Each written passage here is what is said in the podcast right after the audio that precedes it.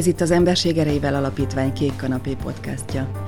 Beszélgetések közösségről, nyitottságról, cselekvésről, állampolgári öntudatról és emberi méltóságról.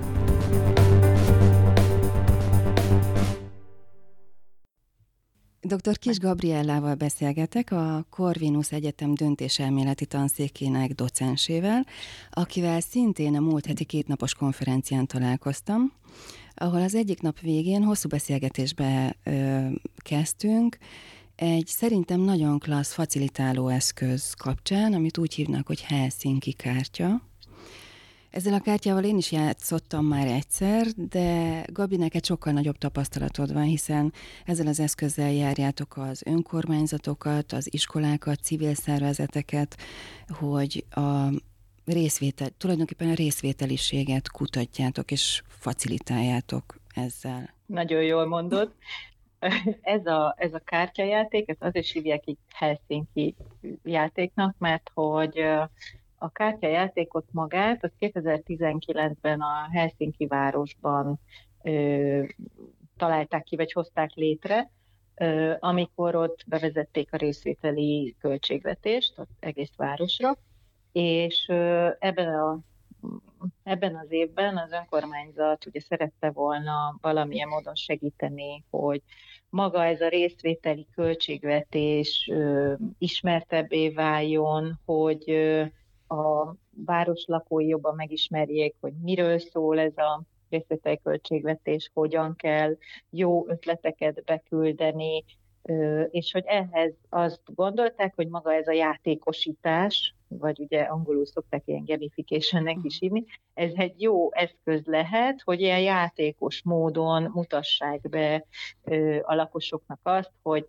mik a korlátozó tényezők, amik egy jó ötletet jellemeznek, milyenek a jó ötletek, hova kell benyújtani, milyennek a lényege, milyen ötleteket küldjenek be, a, hogyan lehet részletesebben kidolgozni egy ilyen lakossági javaslatot, és erre egy ö, ilyen kreatív ügynökséggel közösen fejlesztették ki ezt a játékot.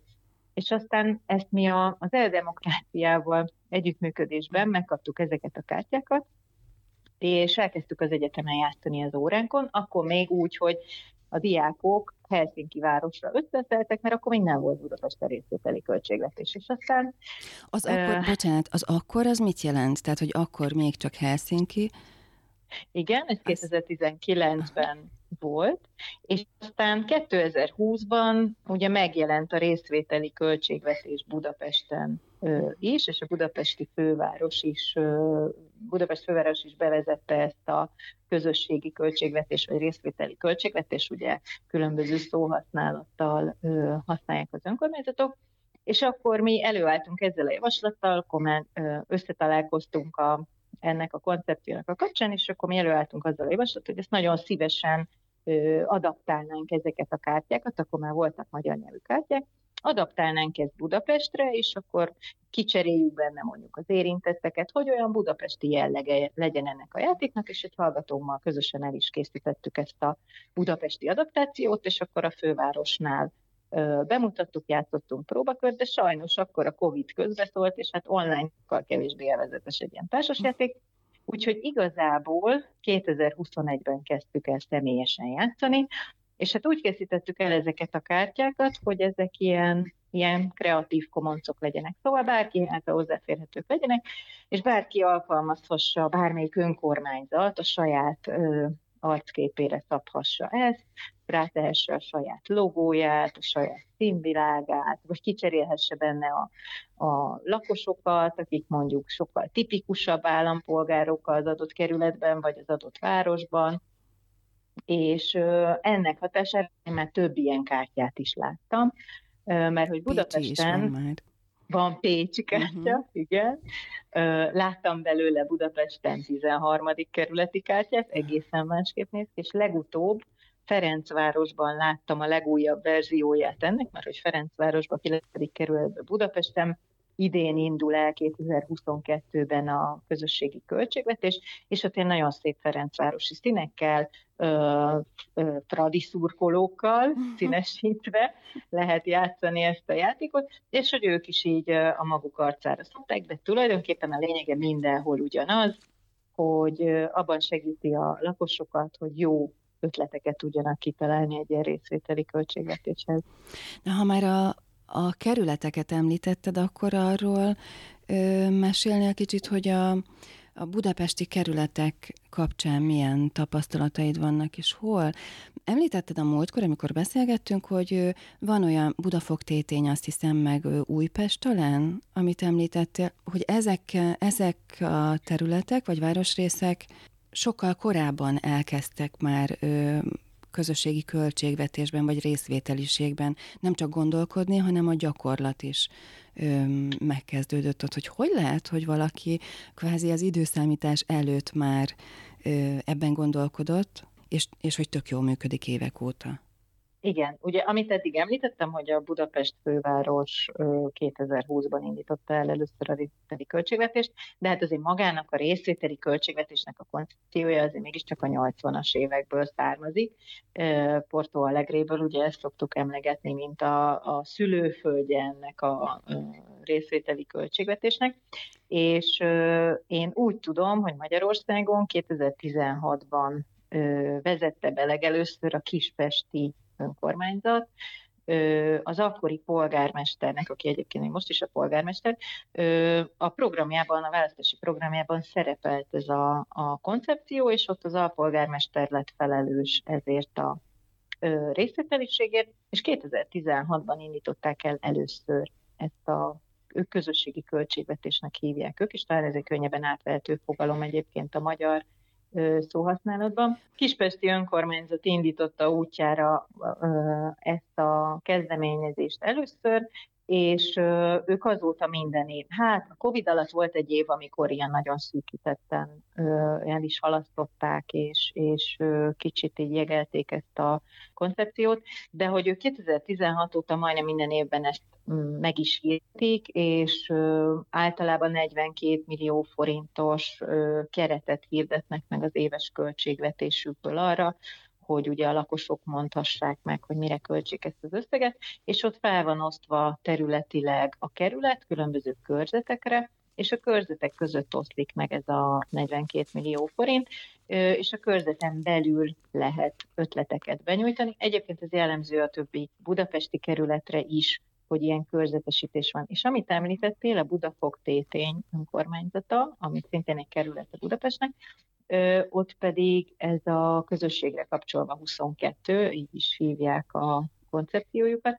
Ők még 2019-ben már elkezdték a részvételi költségvetést, ott kicsit nagyobb összegben, ott 300 millió forinttal indult útjára ez a kezdeményezés, és ott is azóta is minden évben megrendezésre kerül, és a lakosok ilyen módon beleszólhatnak abba, hogy az önkormányzat mire költse el a pénzt. Ez a 300 milliós keret azért ez tekintélyes, ebből egész nagy dolgokat is lehet csinálni. Tudsz arra példát mondani, hogy mik valósultak meg? Van, vannak jellemző ötletek. Most, ha megnézzük egyébként csak fel kell menni a, a Budafok Tétény önkormányzat honlapjára, és itt már is lehet látni, hogy milyen jellemző projektek vannak. Vannak már lezárult projektek, például sportcentrumnak a fejlesztése, illetve volt egy nagyon régi um, javaslat, azt mondjuk ez a kezdetekben került benyújtásra, ahol a kutyáknak a chip beépítését támogatták, hmm. vagy egy gyalogos átkelőhely létesítését, vagy egy családi park fejlesztésének a kiegészítés, nyilván ez nem a teljes költségvetése, de mondjuk egy ivókút létesítése, hát ilyen, ilyen projektek vannak itt, ugye nyilván itt nagyobb javaslatok, vagy nagyobb költségvetésű javaslatokat is be lehetett nyújtani. Egyébként általában mondjuk a kispesti javaslatok ettől eltérően, ott nagyon jellemző mondjuk a járdafelújítás, valami mhm. köztérnek a megújítása, ugye ott azért kisebb összegekről van szó, de mondjuk egy óvodafejlesztés, vagy egy udvar, óvoda-udvar rendbetétel.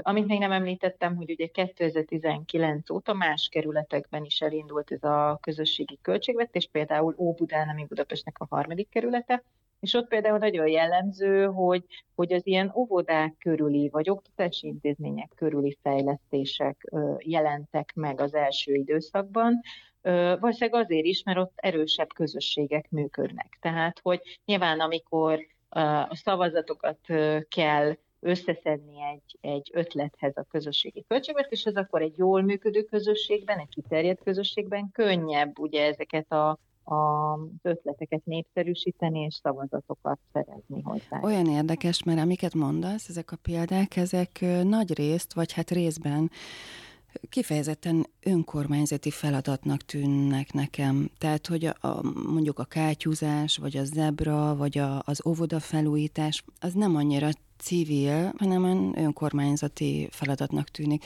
Ha én benyújtanék most egy pályázatot, akkor lehet, hogy abban gondolkodnék, hogy egy, nem is tudom, egy, egy közösségi komposztálót hoznék létre. De a, csip, a kutyák csippezése is ö, ö, tök jó ötlet. Szóval, hogy sokkal, sokkal kisebb közösségekben gondolkodnék, utcában, vagy, vagy háztömbben, vagy ilyesmi. Ez, ez, ez szerinted mennyire jellemző, hogy, hogy mennyire civil, és mennyire mennyire mm, önkormányzati jellegű. Tehát, hogy ezek az ötletek, ez mennyire kisközösségi, meg nagy közösségi tematika szerint oszlanak meg?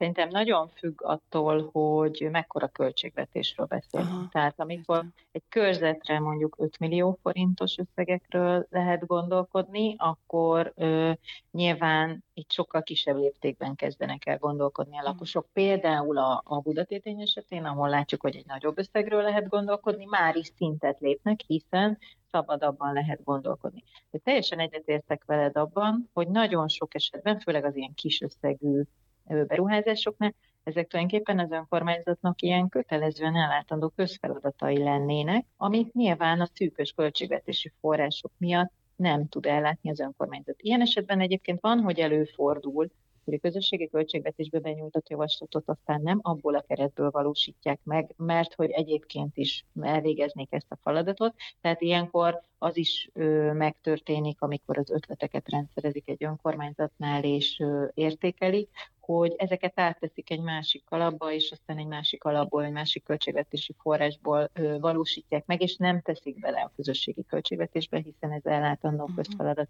De látva az önkormányzatoknak az egyre szűkösebb anyagi lehetőségeit, nyilván itt visszaköszön az, hogy ezeket a feladatokat egyébként az alapműködésben nem fogja ellátni, akkor ezt sok ezen a fórumon is jelzik, hogy erre lenne igényük, és azért ez egy kicsit szomorú is, a közösségi költségvetésben, amikor, ahogy mondod, ilyen alulról jövő kezdeményezéseknek lehetne terepe, akkor még mindig azok a feladatok jönnek csak elő, amiket egyébként nem tud sajnos az önkormányzat alapműködésében ellátni, mert például az óvoda fejlesztése nem a közösségnek kellene ugye javaslatokat megfogalmaznia, mert egy jól működő rendszerben az önkormányzatnak erre van forrása, és ezt meg is teszik rendszeresen. Szóval ez sajnos a kreativitásnak valahol határt is szab, mm. hogy mhm. mennyire kreatív ötletek jelennek meg. De amit viszont mondtál, hogy ilyen közösségi kezdeményezések, vagy kreatívabb, vagy közösségre jobban építő ötletek, mondjuk a nagy fővárosi költségvetésben sokkal inkább látszik, hogy megvalósulnak, mert ugye ott egy eddigi években egy milliárd forintos keret volt a teljes keretösszeg, ami ugye sokkal nagyobb fantáziának enged teret, nagyobb projekteket lehet benyújtani, és itt jellemzően sok civil szervezet is szokott ötleteket benyújtani, ami egy szélesebb bázist jelent, mert nyilván az ötletbenyújtás ez csak az első fázis, mert utána kell, hogy a lakosok meg is szavazzák azt az ötletet, tehát hogy sok embernek tessen az a javaslat, amit benyújtottak, tehát hiába tűnik jó ötletnek, ha nincsen ennek támogatottsága a lakosság körében, akkor ugye nem is kerül megvalósításra, tehát ezért ahogy te mondod, a közösségi, nagyobb közösségi javaslatoknak nagyobb terepe tud lenni egy ilyen költségvetési ötletelésben, mert hogy utána azt fogják megszavazni, vagy többen fognak arra szavazni, aminek nagyobb elérése van, vagy egy szélesebb társadalmi réteget érint, vagy több embernek a javát szolgálhatja a megvalósítása.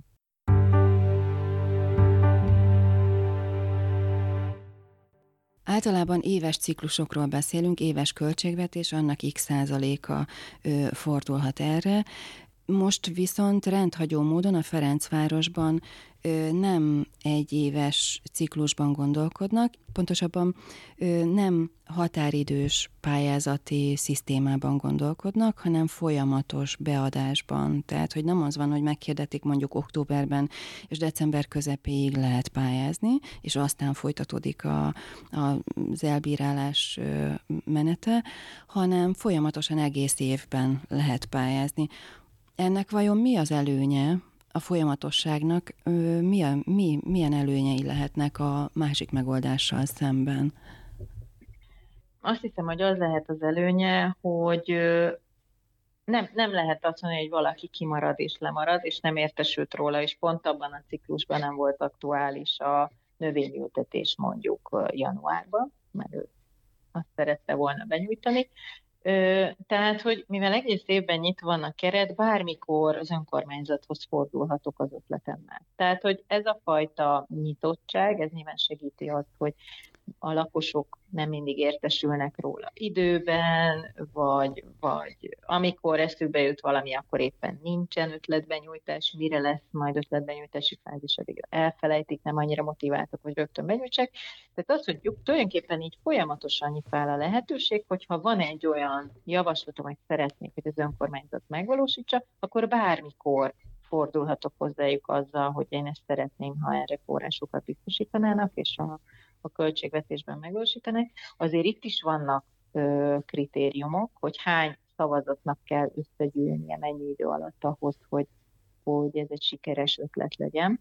De így legalább nem feltétlenül egymással versengenek ezek a, az ötletek, tehát nem egymást fogják kiütni, mert nem párhuzamosan futnak, hanem tulajdonképpen az összesre szavazhatok, ha nekem mindegyik tetszik. Hmm, ez, ez kétségtelen előny, de közben nekem az is eszembe jutott, hogy hogy ennek a megoldásnak azért nagyobb lehet a humán erőforrás igénye. Ha te dönthetnél, te Igen. melyik megoldást választanád? Én abszolút egyetértek veled ebben, hogy ez lehet, hogy elapróz az erőforrásokat, bár látva azt, hogy milyen erőforrás igényes egyébként is ez a szakmai egyeztetés, tehát hogy az, az ahogy mondod, ez mindenképpen egy erőforrás igényes folyamat egyébként, főleg a szakmai egyeztetés rész az önkormányzaton belül. Szerintem mindenkinek megvan. Tehát, hogy most azt tudom neked mondani, hogy lássuk meg, ilyen még nem volt. Én igazából kíváncsian várom a fejleményeket Ferencvárosban, hogy hogyan fog működni az ő eltérő modelljük, és hogy azért az, azt a azt a lehetőségét ők is látják, hogy nagyon gyorsan el fog esetleg fogyni ez a keret, viszont akkor tanulva ebből a, ezekből a tapasztalatokból jövőre lehet másképp csinálni. Tehát, hogy ezt a fajta kísérletezést ezt szerintem uh, megengedik most maguknak, uh-huh. hogy kipróbáljanak egy másik uh, fajta modellt. A ciklikusságnak is megvannak az előnyei, uh, meg hát a, a, a tervezhetőség az mindenképpen ezek közé tartozik. Uh, azért is terveznek nyilván egy éves ciklusokban, mert hogy a külön kormányzat is egy éves költségvetési ciklusokban gondolkodik és így válik pénzügyileg tervezhetővé számukra az, hogy, hogy beépítsék ezeket a folyamatokat a, a mindennapjaikba. A Helsinki kártyáról kezdtünk el beszélgetni, aztán az valahogy félbe maradt. Konkrétan a kártya kapcsán milyen élményeid vagy tapasztalataid vannak? Ez mennyire nyitja meg a közösségeket, illetve a gondolkodásukat, az ötletelést? A civil és az önkormányzati ö, hozzáállásban van-e különbség? Társasjátéknak hívjuk, de tulajdonképpen az egész játék az egy, egy ilyen irányított beszélgetést tesz lehetővé, aminek az a kimenete, hogy a végén úgy állunk fel az asztaltól, hogy van egy, de lehet, hogy több kidolgozott javaslatunk is, amit akár azonnal be is tudunk küldeni az önkormányzat számára. Szóval a kártyánk azt segítik, hogy azok, akik az asztalnál ülnek, és ők akár lehetnek önkormányzati érintettségű játékosok, vagy lehetnek akár civil szereplők, vagy csak egyszerűen lakosok, de hogy mindenképpen azt segíti ez a játék, hogy végig tudjuk gondolni, hogy milyen a jó ötlet. És hogy ez a jó ötlet, amit mi jónak tartunk egyébként, ez más lakosoknak mennyire tetszene. Tehát, hogy egy picit ki tudjunk lépni így a saját egyéni nézőpontunkból, és hogy a másik nagyon fontos célja ennek a, a játéknak az, hogy kezdjünk el beszélgetni a helyi ügyekről. Tehát ha neked van egy ötleted, akkor hozd be ebbe a játékba, beszéljük meg, nekem hogy tetszik, én hogy egészíteném ki, én mit pontosítanék rajta, szerintem hogyan lehetne még tovább fejleszteni a te ötletedet, és tulajdonképpen azt segíti ez a játék, hogy megbeszéljük egy asztal körül ülve azt, hogy miket tartunk fontosnak a lakókörnyezetünkben, a lakóhelyünkön, mit látnánk szívesen, milyen fejlesztéseket javasolnánk az önkormányzatnak, és erről ki tudjon alakulni közöttünk valamiféle beszélgetés, és ezáltal egy picit az ember nem csak a saját egyéni nézőpontjait tudja mérlegelni, hanem látja azt, hogy mások mit gondolnak arról az ötletről, amit ő jó ötletnek tartott a benyújtásnál. A nagyon praktikus célja meg a játéknak az az, hogy azokat a, az önkormányzat által kiírt szabályoknak, feltételeknek megfeleljenek ezek a javaslatok, és ne nyújtsunk be olyat, ami rögtön az első körben ők ki is szornának, mert hogy akkor valószínűleg lakosként elkedvetlenedünk, elmegy a kedvünk attól, hogy a következő évben is dolgozzunk egy újabb ötleten, hogyha rögtön visszadobják azzal, hogy hát ez nem az önkormányzat hatáskörébe első ötlet. Ha már az első ötletelésnél beszélgetünk arról, hogy ja, mit is jelent az, hogy az önkormányzat hatáskörébe első javaslat, például az, hogy önkormányzati tulajdonban lévő területet tud csak fejleszteni, vagy hogy az üzemeltetés mennyibe fog kerülni, ezt tudja elvállalni az önkormányzat.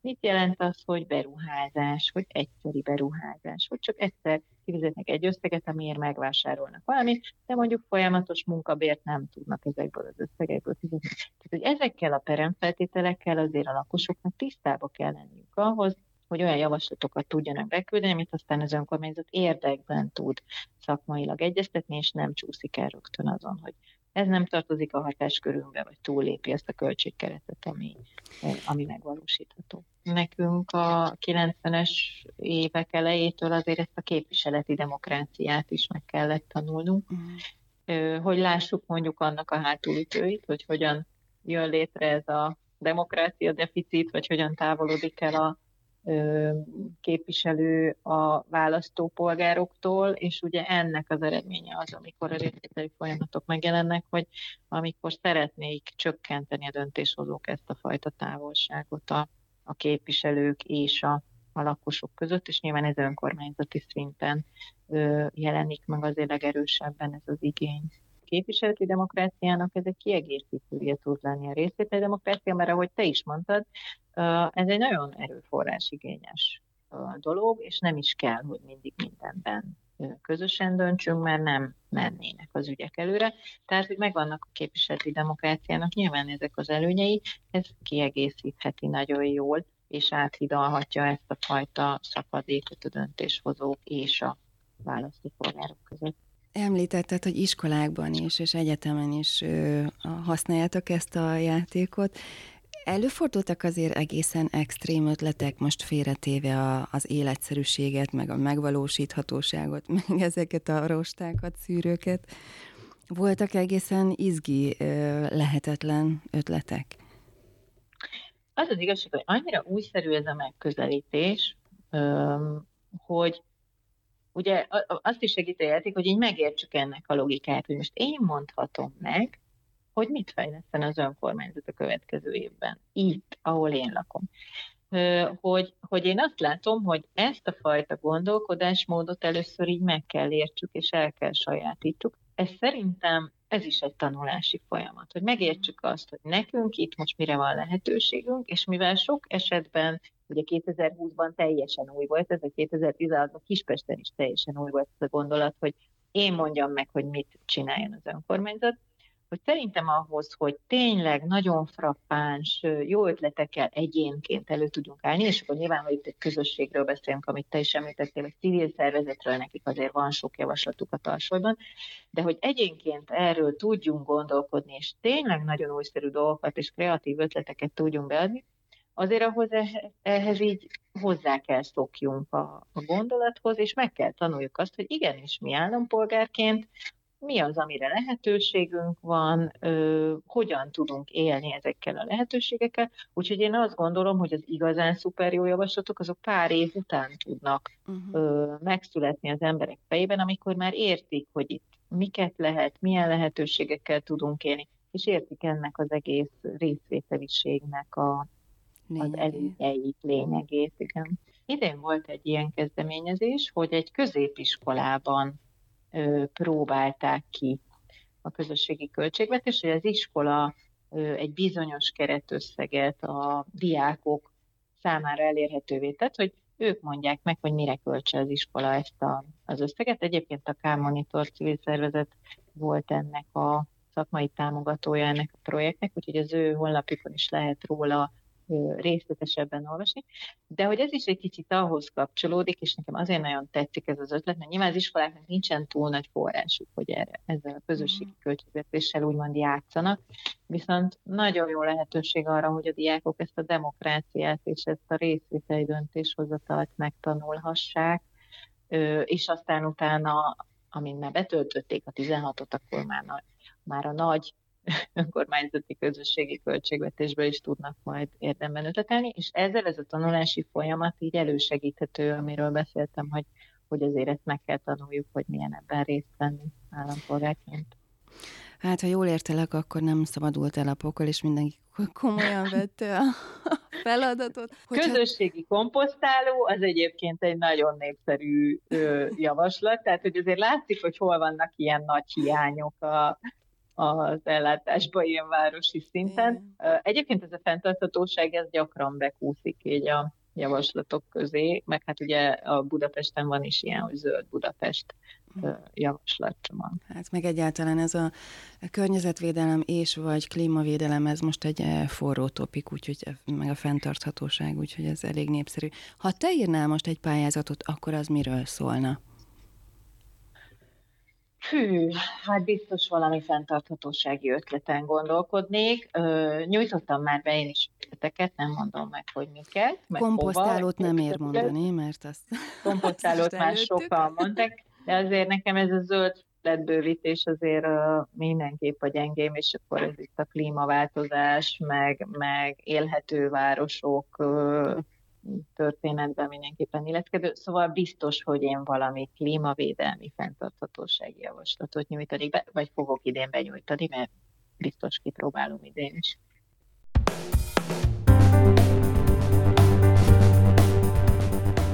Ha tetszett a beszélgetés, iratkozz fel a csatornánkra. Ha véleményed van, hozzászólnál, küld el nekünk a podcastkukacemberség.hu e-mail címre. Az adással kapcsolatban minden információt megtalálsz az emberség.hu per podcast oldalon. Tarts velünk két hetente szombatonként. Köszönjük a figyelmed!